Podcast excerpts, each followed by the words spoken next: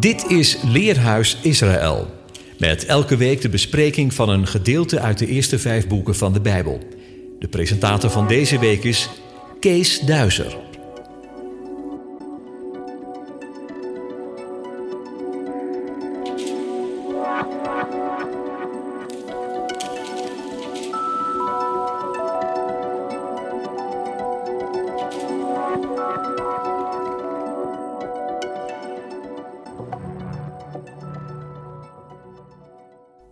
Shalom luisteraars, welkom bij deze nieuwe uitzending van Leerhuis Israël. In de synagoge wordt deze week de parashat Naso gelezen. Deze parashat vinden we in Bemidbar of Leviticus hoofdstuk 4 vers 21 tot hoofdstuk 7 vers 89. Moshe moet het aantal van de mannelijke nakomelingen van de stam Levi opnemen in de leeftijd tussen 30 en 50 jaar. Ze worden ieder naar hun afkomst ingedeeld voor de dienst aan het Mishkan, de tabernakel. Er komen geboden met betrekking tot de afzondering van onreine mensen en in zaken ontvreemding van goederen.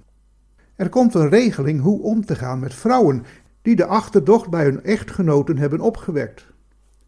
Er komen betalingen voor de Nazirim, de Nazireërs. De Birkat HaKohanim, de priesterlijke zegen, wordt ingesteld. De stamhoofden van de twaalf stammen bieden namens hun stammen offergaven aan voor het aangezicht van de eeuwige. De Haftarat-lezing gebeurt uit Shoftim, ofwel rechters, hoofdstuk 13, vers 2 tot 25.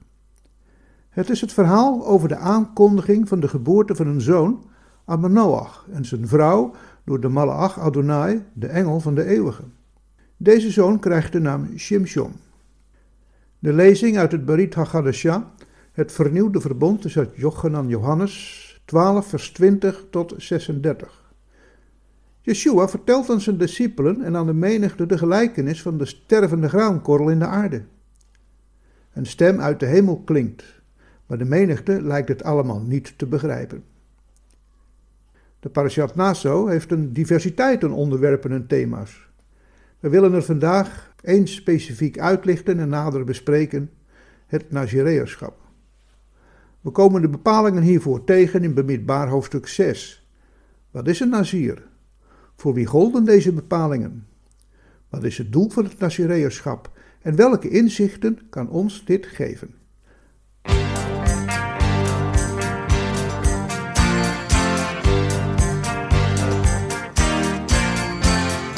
Listen here to what I say.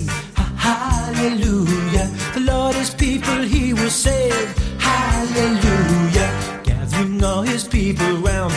Hallelujah. Saving them from awful fate. Hallelujah.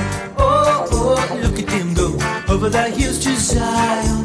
Oh, oh, look at them run over the hills they go. Laughing, dancing, everyone over the hills to Zion. Praising God for what he has done. Over the hills they go.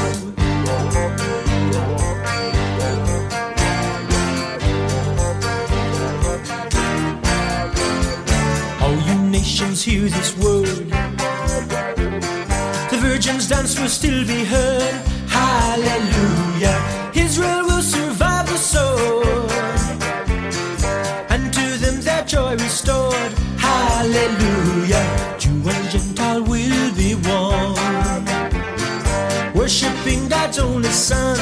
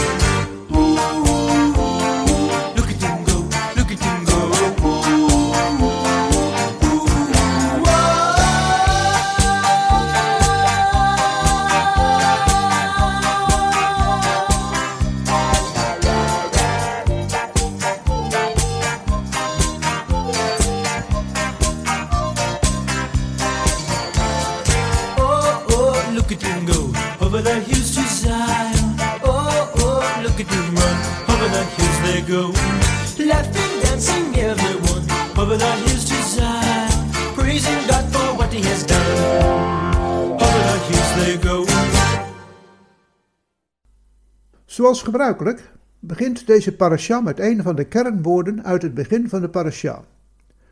De parasha begint al dus. Vaydeber Adonai el Moshe lemor, naso et rosh bnei Gershon gam hem, levet avotam le mishpechotam. En de eeuwige sprak tot Moshe, zeggende, neem op het hoofd van de zonen van Gershon, ook zij, naar het huis van hun vaderen, naar hun families. Naso is een imperatief vorm van het werkwoord nasa, wat betekent nemen, opnemen of wegnemen. In de context van dit schriftgedeelte betekent het het opnemen van aantallen. In de betekenis van iemands hoofd opnemen kan het ook een gunstige of ongunstige betekenis hebben. Gunstig in de zin van ter willen zijn, in de gunst herstellen of gratie verlenen. Ongunstig in de zin van terechtstellen. We komen die uitdrukking tegen in Bereshit of Genesis 40 vers 19. Het vers waarin Jozef, de bakker van de farao, vertelt wat er met hem gaat gebeuren. En dat was niet best. Voor wie was het Nezer, het Nazireërschap, bedoeld? In Bemidbar 6 vers 2 lezen we dat het Nazireërschap was bedoeld voor zowel mannen als vrouwen. Alhoewel in de verdere gehele tekst over de Nazir wordt gesproken in de mannelijke vorm, zijn deze bepalingen op gelijke wijze voor de vrouw bedoeld. Nergens komen we afwijkende bepalingen voor de vrouw tegen. Vers 2 begint al dus. Wanneer een man of een vrouw een gelofte aflegt door de gelofte van een Nazir, een Nazireër te doen, om zich aan de eeuwige te wijden. Wat houdt dat in? Het woord Nazir is afgeleid van het werkwoord Nazar. Dit betekent zich toewijden, zich onthouden van, en kan ook afzonderen en vasten betekenen. Het zelfstandig naamwoord Nezer betekent wijding of nazireërschap. Maar het heeft ook de betekenis van kroon of diadeem of vrouwenhaar. We komen hier later nog op terug. De Nazir legt dus een gelofte af om zich aan Adonai te wijden. Wat dat verder gaat inhouden, maakt de tekst niet duidelijk. Wel waarvan hij of zij zich van moet onthouden. Het drinken van wijn of sterke drank, zijn uit wijn of sterke drank. Ook mogen ze helemaal geen druivensap drinken of verse of gedroogde druiven eten. Dus alles wat van de wijnstok komt is voor de nazier verboden. Zelfs de pitjes en de velletjes niet, niets. Al de dagen van de nezer mag het haar niet geknipt of geschoren worden. Zolang de wijding aan de eeuwige duurt, moeten de haarlokken lang groeien. Al de dagen van zijn wijding, sommige vertalers vertalen dit met afzondering, mag de nazier niet bij het lichaam van een dode komen. Hij of zij mag zichzelf niet verontreinigen vanwege zijn of haar vader of moeder, broer of zus. Want zo staat er in vers 6, Kinezer Elohai al Rosho. Want de wijding of afzondering van zijn God is op zijn hoofd. Overkomt het de nazier ongewild toch dat hij zich verontreinigt, dan vervalt zijn nazireërschap. Hij moet zich reinigen en offers brengen op de achtste dag. Op diezelfde dag mag hij zijn hoofd weer heiligen en daarna moet hij opnieuw zijn nazireërschap aan de eeuwige wijden. Alle vorige dagen van zijn nezer zijn vervallen. Hoe lang kon zo'n wijding nu duren? Dit is in de tekst niet bepaald. Het kon dus elke duur hebben. Evenwel is in de Mishnah Nazir 1 vers 3 bepaald dat de nezer een minimale duur van 30 dagen moest hebben. Evenzo kon iemand Nazir zijn voor het leven. Wat houdt nou het Nazireërschap, die wijding precies in en waarom is het zo belangrijk om niet in contact met een dode te komen? Vanuit het boek Vayikra, Leviticus, weten we wat het kernprincipe is van het brengen van een offer. Het Hebreeuwse woord voor offer is korban. Dat is afgeleid van de stam karaf, dat naderen betekent of naderbij komen. Als het volk Israël tot God wilde naderen, dan kon dat alleen middels een bloedoffer. Het offer was niet een doel, het was een middel om in de nabijheid van God te komen of te zijn. Maar als iemand onrein werd, het zij door te zondigen, het zij of zij in contact kwam met een dode, dan moest er eerst reiniging plaatsvinden en dat kon alleen door een offer. Na de reiniging kon zo iemand weer nader komen tot God Hij kan alleen tot de eeuwige naderen als hij tahor is, als hij rein is. Als we nu kijken naar de eisen die aan het Nazireërschap gesteld werden, dan kunnen we dus zeggen dat de nezer, de wijding, bedoeld was om in Gods aanwezigheid te zijn. Laten we dat nog wat verder uitdiepen. Als we de bepalingen met betrekking tot verontreiniging van de Nazir door een dode vergelijken met wat daarvoor bepaald is in Wajikra 21, met betrekking tot de priesters, dan valt ons meteen op dat de bepalingen voor de Nazir vrijwel gelijk zijn voor die van de Kohen Gadol. We hadden in hoofdstuk 21 al gelezen dat de priesters zich niet mochten verontreinigen door een aanraking met een dode. Maar ze mochten dat nog wel met hun vader, moeder, kind of broer of zus, die nog maagd was en niet getrouwd. Maar voor de hoge priester gold geen enkele aanraking met een dode. Waarom? Omdat de hoge priester op een hoger niveau tot de eeuwige mocht naderen. Hij mocht, zij het slechts eenmaal per jaar, naderen tot het verzoendeksel in het heilige der heiligen. We zouden hiervan kunnen afleiden dat de wijding van de Nazir eenzelfde niveau van heiligheid had als de hoge priester. Met dien verstande dat alleen de hoge priester het heilige der heiligen mocht binnengaan. Geen enkel ander mens mocht dat. We lezen Vayikra 21 vers 10 uit de Statenvertaling. En hij, die de hoge priester onder zijn broederen is, op wiens hoofd de zalfolie gegoten is, en wiens hand men gevuld heeft om die klederen aan te trekken, zal zijn hoofd niet ontbloten, noch zijn klederen scheuren. We lezen hier tweemaal het woord hoofd. De hoge priester heeft tijdens zijn wijding de zalfolie op zijn hoofd uitgegoten gekregen. Daarom zal hij zijn hoofd niet ontbloten. Lezen we bemidbaar 6, dan komen we het woord hoofd verschillende malen tegen. Er mag geen scheermes over zijn hoofd gaan. Tijdens zijn wijding moet hij, de Nazir, de haarlokken van zijn hoofd lang laten groeien. Vers 5. Het Nazireërschap van zijn God is op zijn hoofd. Vers 7. Als hij zich verontreinigd heeft met een dode, en hij heeft zich weer gereinigd, moet hij zijn hoofd weer op diezelfde dag heiligen. We hebben al geconstateerd dat het woord nezer ook kroon of diadeem kan betekenen. We komen dit woord tegen in Shemot, Exodus 29, vers 6, waar staat: Daar moet u de tulband op zijn hoofd zetten en de heilige diadeem aan de tulband vastmaken.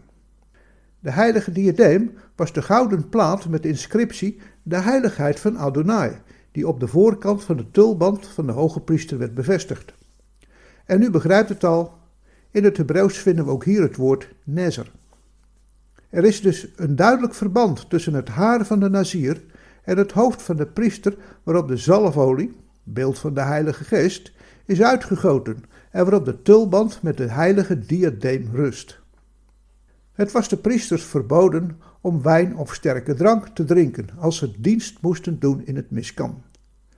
Zeer zeker de hoge priester, waarvan verondersteld werd dat hij voortdurend in het miskan moest zijn.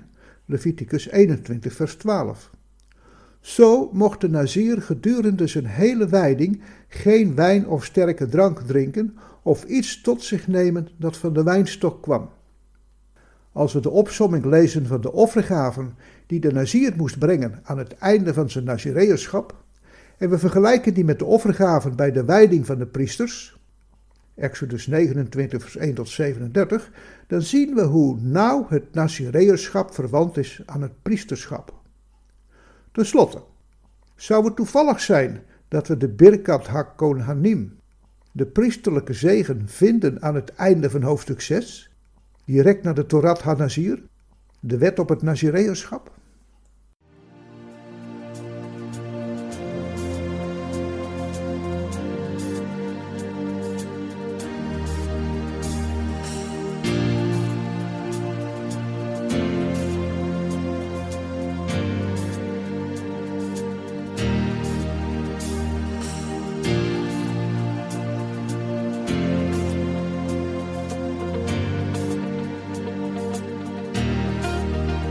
חיים לנצח,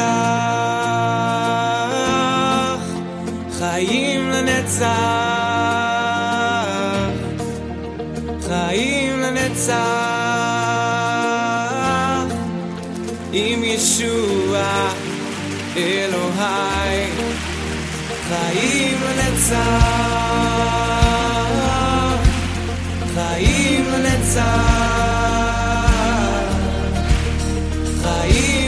חיים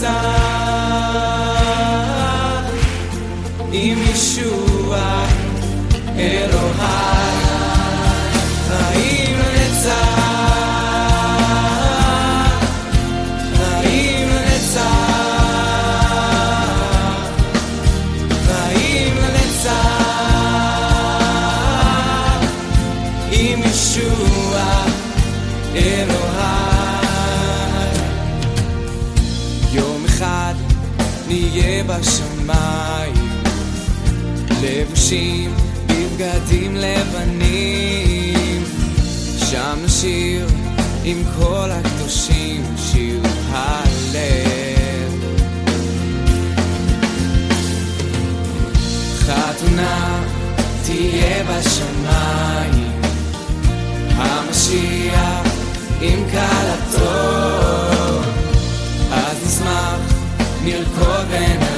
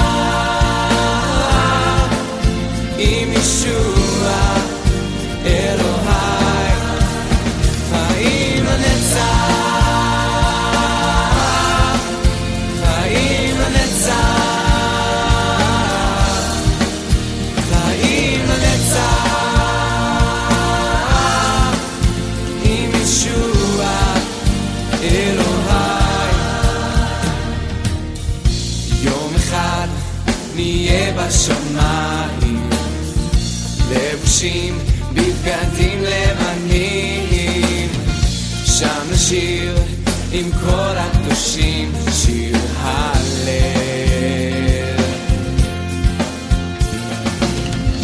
חתונה תהיה בשמיים המשיח עם כלתו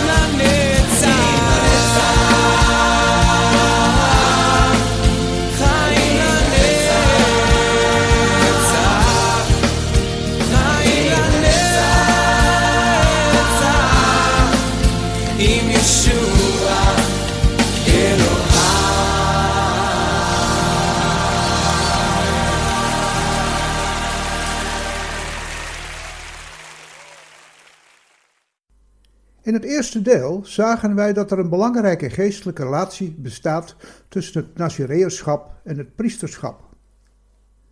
Het priesterschap was alleen weggelegd voor een select gezelschap, de afstammelingen van Aharon, en dan alleen nog maar de mannen.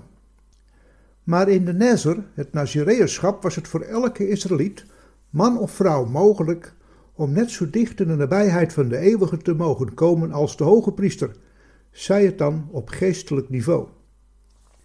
In de Tanach en ook het Berit HaGadashah kunnen we verschillende voorbeelden vinden van Nazirim, Nazireërs. Van een heel bijzondere horen we in de Haftarat-lezing, Shoftim of Rechters hoofdstuk 13. En tegelijkertijd vinden we ook hier weer nieuwe inzichten. We lezen Shoftim 13 vers 2 tot 5. En er was een man uit Sora, uit het geslacht van de Danieten en zijn naam was Manoach. Zijn vrouw was onvruchtbaar en had geen kinderen gebaard. Toen verscheen er een engel van de Heer aan deze vrouw en zei tegen haar: Zie toch, u bent onvruchtbaar en hebt geen kinderen gebaard. U zult echter zwanger worden en een zoon baren. Welnu dan, wees toch op uw hoede dat u geen wijn of sterke drank drinkt en eet niets onreins. Want zie, u zult zwanger worden en een zoon baren. En er mag geen scheermes op zijn hoofd komen, want het jongetje zal van de moeders schoot af als een Nazireër aan God gewijd zijn, en hij zal beginnen Israël te verlossen uit de hand van de Filistijnen. Enkele dingen vallen direct op. De vrouw van Manoach was onvruchtbaar. De engel van Adonai verschijnt aan haar en deelt mede dat zij een kind zal baren. De vrouw mag geen wijn of sterke drank drinken, want het kind zal vanaf de geboorte als Nazir aan God gewijd zijn. De jongen zal Israël verlossen uit de hand van zijn vijanden. De gelijkenis met Lucas 1, vers 31 is treffend. In nagenoeg gelijke bewoordingen kondigt de engel Gabriel de geboorte van Yeshua aan bij Mirjam. En zie, u zult zwanger worden en een zoon baren. Maar ook in Matthäus, Matthäus 1, vers 21, vinden we een treffende overeenkomst. Want hij is het die zijn volk zal redden van hun zonde. Er is een verband tussen het redden van de Filistijnen en het redden van zonden. De steeds weerkerende overheersing door de Filistijnen stond altijd in verband met de zonden die het volk Israël deed. Zolang ze trouw bleven aan de eeuwige ging het goed, maar zodra ze afdwaalden en hun eigen weg gingen, bleken ze niet bestand tegen de opdringerige Filistijnen. De geboorte van Shimshon verwijst duidelijk naar de geboorte van Yeshua HaMashiach. Maar kun je Shimshon, die kennelijk als Nazir zijn hele leven aan Adonai was toegewijd, wel vergelijken met Yeshua? Het leven van de losbandige en gewelddadige Shimshon is toch niet te vergelijken met de vredelievendheid en de zachtmoedigheid die het leven van Yeshua kenmerkten? Dat mogen zo zijn, maar dat is niet het hele verhaal. Eerst nog een kenmerk wat we bij Shimshon aantreffen, die verband houdt met zijn Nazireërschap, zijn haar. We hebben bevonden dat het lange haar van de Nazir verwijst naar de zalving die de hoge priester op zijn hoofd ontving, en dat het verwijst naar de Heilige Geest. Zo mogen we aannemen dat de Heilige Geest ook op Shimshon rustte. Dat lezen we ook in Rechters 13, vers 25. En de geest van de Heere begon hem aan te vuren in Mahanadan tussen Zora en Estaol. In Rechters 16, vers 17 lezen we. Toen vertelde hij haar alles en zei tegen haar: Er is nooit een scheermes op mijn hoofd gekomen, want ik ben als Nazireër aan God gewijd van mijn moeders buik af. Als ik geschoren zou worden, dan zou mijn kracht van mij wijken en zou ik zwak worden, en als alle mensen zijn. De kracht van Shimshon bevond zich in zijn haar. Dat had niets met het haar zelf te maken, maar met daar waar het haar van de Nazir voor stond de zalving door de Heilige Geest. Waar vinden we dan de overeenkomst met het leven van Yeshua in het leven van Shimshon? De overeenkomst zien we in het eindresultaat van het leven van Shimshon. Als hij overmeesterd is door de Filistijnen, zijn ogen uitgestoken en gevangen gezet, dan groeit zijn haar weer aan. Zijn kracht keert terug. Als hij dan, als voorwerp van spot tijdens een heidensfeest van de Filistijnen in een tempel wordt gezet, geketend tussen de pilaren, duwt hij door zijn door God gegeven kracht de pilaren om en stort de tempel in met daarin duizenden Filistijnen. En de doden die hij in zijn sterven heeft gedood, waren talrijker dan die hij in zijn leven gedood had. Shoftim Rechters 16 vers 30. Toen Yeshua aan het kruis stierf, overwon hij de dood en het dodenrijk, maar ook de Satan en zijn leger van gevallen engelen. Die eindoverwinning zal komen in de beslissende slag waarvan we lezen in Openbaring 19, vers 19 tot 20, vers 3. En ik zag het beest en de koningen van de aarde en de legers bijeen verzameld om oorlog te voeren tegen hem die op het paard zat en tegen zijn leger. En het beest werd gegrepen en met hem de valse profeet, die in zijn tegenwoordigheid de tekenen gedaan had, waardoor hij hen misleid had die het merkteken van het beest ontvangen hadden en die zijn beeld aanbeden hadden. Deze twee werden levend geworpen in de poel van vuur die van zwavel brandt. En de overigen werden gedood met het zwaard van hem die op het paard zat, namelijk het zwaard dat uit zijn mond kwam. En alle vogels werden verzadigd met hun vlees. En ik zag een engel neerdalen uit de hemel met de sleutel van de afgrond en een grote ketting in zijn hand. En hij greep de draak, de oude slang, dat is de duivel en de satan, en bond hem voor duizend jaar, en wierp hem in de afgrond, en sloot hem daarin op, en verzegelde die boven hem, opdat hij de volken niet meer zou misleiden, totdat de duizend jaar tot een einde gekomen zouden zijn. En daarna moet hij in korte tijd worden losgelaten. Zoals Shimshon door zijn dood meer vijanden doodde dan tijdens zijn leven, zo heeft Yeshua door zijn dood de overwinning behaald die we nog zullen meemaken bij zijn terugkomst. Een tweede voorbeeld van een Nazir voor het leven vinden we in Shemuel 11, 1 Samuel, hoofdstuk 1. In Shemuel 11, 1 vers 5 en 6 lezen we van Ganna, de vrouw van Elkana.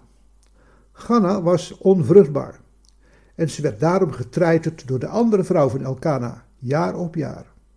Uiteindelijk stortte ze haar verdrietige hart uit in het huis van Adonai en deed hem een belofte die we lezen in vers 11. Ze legde een gelofte af. Ze zei: Heere van de legermachten, wanneer u werkelijk de ellende van uw dienares aanziet, aan mij denkt en uw dienares niet vergeet, maar aan uw dienares een mannelijke nakomeling geeft, dan zal ik die voor al de dagen van zijn leven aan de Heere geven, en er zal geen scheermes op zijn hoofd komen. Ook lezen we in vers 15, maar Ganne antwoordde en zei, Nee, mijn heer, ik ben een diep bedroefde vrouw. Ik heb geen wijn of sterke drank gedronken, maar ik heb mijn ziel uitgestort voor het aangezicht van de Heer. Ook hier vinden we belangrijke principes. Geen scheermes zal op het hoofd komen en het niet drinken van wijn of sterke drank uit de gelofte van het Nazireërschap. We begrijpen nu dat deze gelofte betekent dat Ganna haar zoon vanaf zijn geboorte als Nazir aan de eeuwige zal wijden. De eeuwige verhoorde haar gebed. Ganna werd zwanger en baarde een jongetje en ze noemde hem Shimuel. Want, zei ze, zo lezen we in vers 20, ik heb hem van Adonai gebeden. En Ganna doet haar belofte gestand.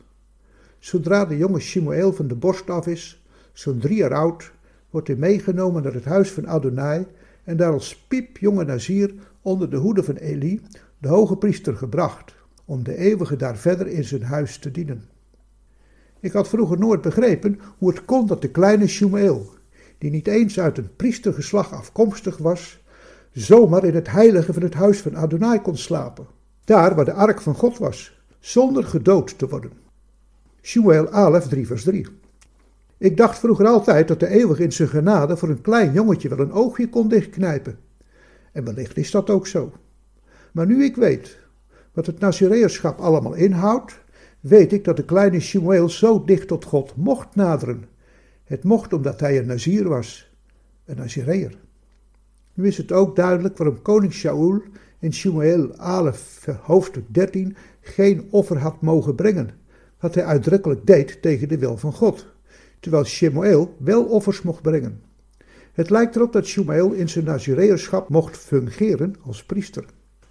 We gaan kijken naar nog een derde voorbeeld van de Nazir. Maar eerst luisteren we naar muziek.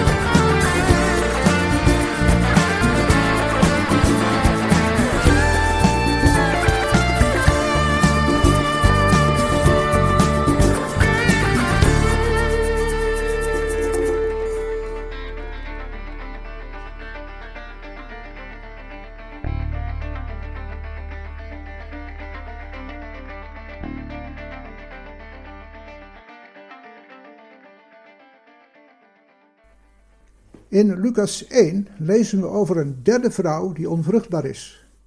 Maar in haar geval wordt niet zij door een engel bezocht, maar haar man. We lezen over Zacharia en Elisheva. Zacharia was priester. Ze waren kinderloos, want Elisheva was onvruchtbaar. En ze waren beiden op hoge leeftijd gekomen.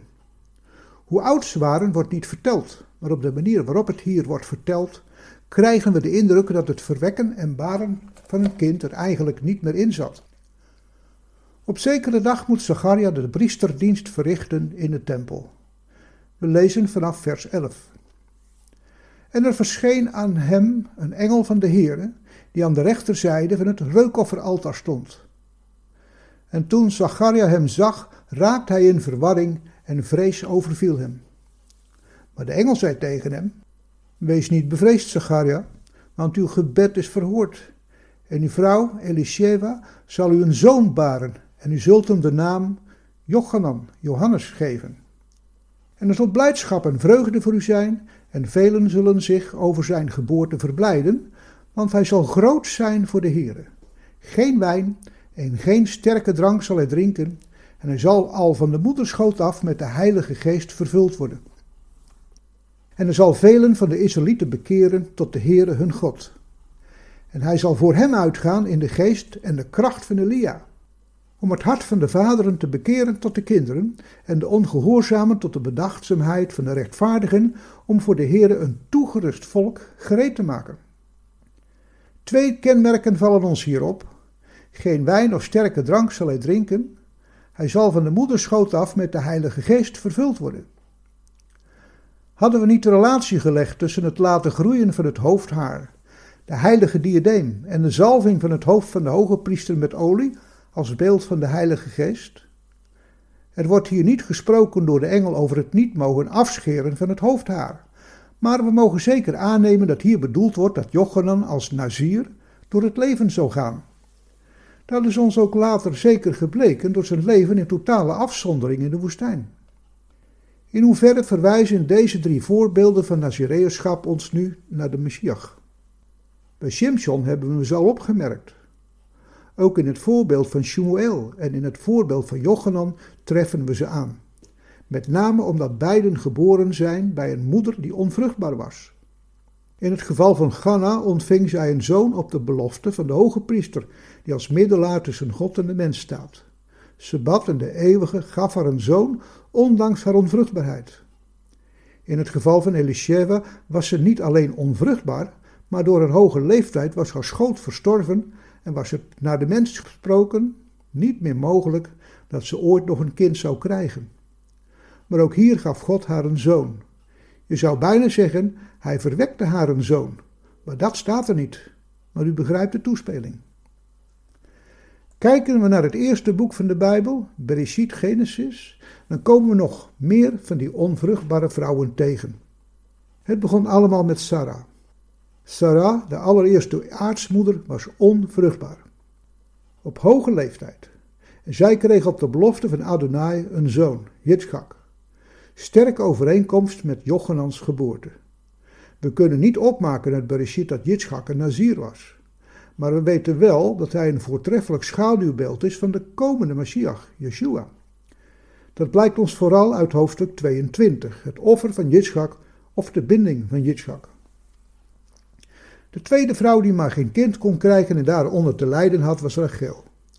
Jacob had haar lief en had veel moeite gedaan om haar tot vrouw te krijgen, maar ze bleef onvruchtbaar. Totdat de eeuwige uiteindelijk haar gebeden verhoorde en zij ook zwanger werd van Jozef. Van Jozef weten we dat hij het schaduwbeeld van Messias Yeshua is bij uitstek. Zijn er bij Jozef kenmerken te vinden die passen bij het Nazireërschap? In de beschrijving van zijn leven kunnen we een belangrijk kenmerk vinden. Hij leefde 22 jaar afgezonderd van zijn broers. Maar als hij tijdens zijn latere leven als onderkoning verenigd is met zijn broers en met hen maaltijd houdt, dan wekt de tekst in Bereshit 43 vers 34 de indruk dat er stevig werd gedronken tijdens de maaltijd. Maar later lezen we Bereshit 49 vers 26 en Devarim, Deuteronomium 33 vers 13 tot 16 ingekort. De zegeningen van je vader gaan de zegeningen van mijn vaderen te boven, tot aan de begerenswaardigheid van de eeuwige heuvels. Ze zullen zijn op het hoofd van Jozef, ja op de schedel van de gewijde onder zijn broers. Over Jozef zei hij, mogen zijn land door de Heere gezegend zijn, met het beste van de aarde en haar volheid, en met de goedgunstigheid van hem die in de doornstruik woonde. Laat het komen op het hoofd van Jozef, ja op de schedel van de gewijde onder zijn broers. Tweemaal lezen we hier over zegeningen die komen op het hoofd van Jozef, op de schedel van de gewijde onder zijn broers. Juist de nadruk op de term op het hoofd van Jozef en de term de gewijde, de Nazir, verwijzen duidelijk naar, het Nazireërschap, alhoewel nergens uit blijkt dat Jozef een Nazireër was naar de eisen van de Torah. Maar deze woorden versterken heel duidelijk de verbinding tussen het Nazireërschap en de Messias. En niet alleen tussen het Nazireërschap en de Messias, maar ook de verbinding met de hoge priester. Wat brengt ons dit? We weten uit het leven van Yeshua op aarde dat hij wijn dronk. Dus hij was geen Nazir tijdens zijn leven. Maar in Matthäus 26 lezen we hoe Yeshua de sedermaaltijd hield met zijn discipelen. We lezen Matthäus 26 vers 29. Ik zeg u dat ik van nu aan van de vrucht van de wijnstok niet zal drinken, tot op de dag wanneer ik die met u nieuw zal drinken in het koninkrijk van mijn vader. Volgens Mishnah Nazir 1 vers 1 was deze uitspraak van Yeshua duidelijk de belofte van een Nazir. Hij deed duidelijk de uitspraak dat hij niet meer zou drinken van de vrucht van de wijnstok. De term zoals we die in Bemidbar 6 vers 4 tegenkomen. Hoezo niet meer drinken van de vrucht van de wijnstok? We lezen toch in de evangeliën dat Yeshua, terwijl hij aan het kruising tweemaal zure wijn werd aangeboden? Wel, de eerste keer heeft hij dat geweigerd. Maar de tweede maal dronk hij ervan. Hoe zit dat? We lezen Jochanan 19, vers 28 tot 30. Hierna zei Jezus, omdat hij wist dat nu alles volbracht was, opdat het schriftwoord vervuld zou worden, ik heb dorst. Er stond dan een kruik vol zure wijn, en ze vulden een spons met zure wijn, staken die op een hyssopstengel en brachten die aan zijn mond. Toen Jezus dan de zure wijn genomen had, zei hij, het is volbracht, en hij boog het hoofd en gaf de geest. Yeshua wist dat alles was volbracht. Zijn dood was aanstaande. Er moest nog één schriftwoord vervuld worden. Dit staat in Psalm 69, vers 22. Ja, ze hebben mij gal als mijn voedsel gegeven. In mijn dorst hebben ze mij zure wijn laten drinken. Zijn gelofte als Nazir zou ophouden met zijn dood. Door contact met de dood wordt immers de gelofte teniet gedaan.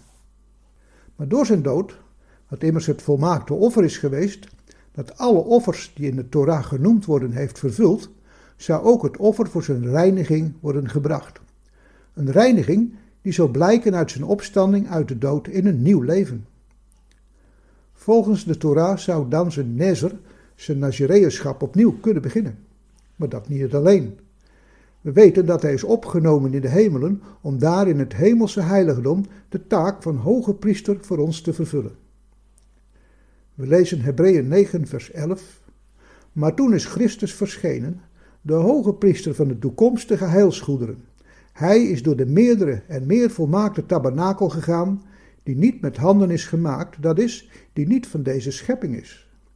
Hij is niet door bloed van bokken en kalveren, maar door zijn eigen bloed voor eens en altijd binnengegaan in het heiligdom en heeft daardoor een eeuwige verlossing teweeggebracht. En daarom is hij de middelaar van het nieuwe verbond, opdat, nu de dood heeft plaatsgevonden tot verzoening van de overtredingen die er onder het eerste verbond waren, de geroepenen de belofte van de eeuwige erfenis ontvangen.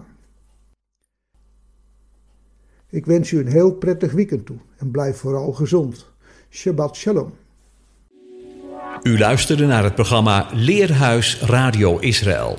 Een wekelijkse studie aan de hand van de Bijbelgedeelten die wekelijks door de Joodse gemeenschap worden gelezen. Heeft u een vraag of opmerking? Stuur dan een e-mail naar info radioisrael.nl. Het leesrooster vindt u op onze website. Ga naar radioisrael.nl en klik onder het kopje Radio op Programma's.